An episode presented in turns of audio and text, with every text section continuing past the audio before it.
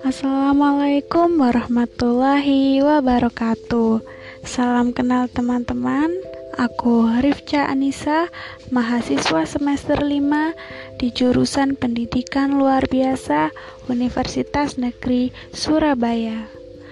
Untuk podcast pertama aku, aku akan membahas seputar ortopedagogik anak tunarungu. Perlu teman-teman ketahui, kata ortopedagogik berasal dari bahasa Yunani yang terdiri dari tiga kata. Kata pertama adalah arios yang berarti lurus, baik, atau normal. Kata kedua yaitu paedos yang berarti anak. Dan kata ketiga yaitu agogos yang berarti pendidikan pimpinan, atau bimbingan. Jadi, dapat diartikan ortopedagogik sebagai pendidikan yang bersifat meluruskan, memperbaiki, menyembuhkan, atau menormalkan anak berkebutuhan khusus. Ortopedagogik juga disebut sebagai ilmu pendidikan bagi anak berkebutuhan khusus. Ortopedagogik umumnya dibagi menjadi dua macam. Yang pertama, ortopedagogik umum, yaitu pendidikan bagi anak berkebutuhan khusus yang sifatnya secara umum. Dan yang kedua, ortopedagogik khusus, yaitu pendidikan bagi anak berkebutuhan khusus sesuai dengan kekhususannya atau ketunaannya. Ortopedagogik tunarungu masuk ke dalam ortopedagogik khusus ya teman-teman. Anak tunarungu adalah anak yang memiliki gangguan atau hambatan pada indera pendengarannya.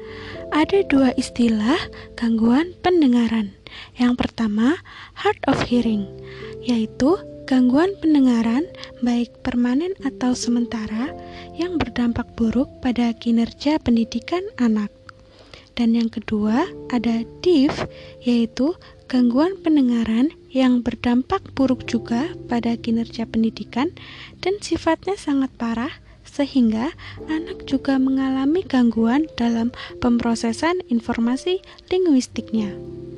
Gangguan pendengaran terjadi akibat ketidakberfungsian organ yang ada di dalam telinga. Organ telinga dibagi menjadi tiga bagian, yang pertama, telinga bagian luar, yang kedua, telinga bagian tengah, dan yang ketiga, telinga bagian dalam. Gangguan pendengaran juga dibagi menjadi tiga tipe. Tipe gangguan pertama yaitu gangguan pendengaran konduktif. Terjadi ketika suara tidak dapat melakukan secara efisien melalui telinga luar dan telinga tengah. Ini berarti kondisi di mana ada masalah di saluran telinga. Contohnya, ada benda asing di dalam telinga atau karena adanya infeksi saluran telinga.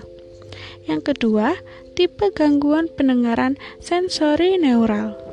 Terjadi ketika ada kerusakan pada telinga bagian dalam yaitu koklea atau pada syaraf pendengarannya dan sifatnya permanen.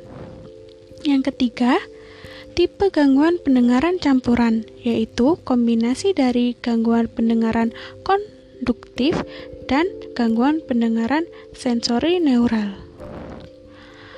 Metode komunikasi yang digunakan oleh anak tunarungu juga ada tiga macam. Yang pertama, metode manual dengan menggunakan bahasa isyarat yang kedua, metode oral dengan menggunakan sisa pendengaran dan belajar komunikasinya menggunakan bahasa verbal. Lalu yang ketiga, metode komunikasi total, yaitu gabungan dari metode manual dan metode oral. Teknologi yang bisa digunakan bagi anak tunarungu ada tiga juga. Yang pertama, hearing aid, yang kedua cochlea implant, dan yang ketiga teknologi sistem FM. Namun, dalam penggunaannya juga harus memperhatikan kondisi pendengaran anak. Sampai sini dulu ya, teman-teman, pengetahuan yang bisa aku bagikan. Semoga bisa bermanfaat untuk hari esok. See you next time. Assalamualaikum warahmatullahi wabarakatuh.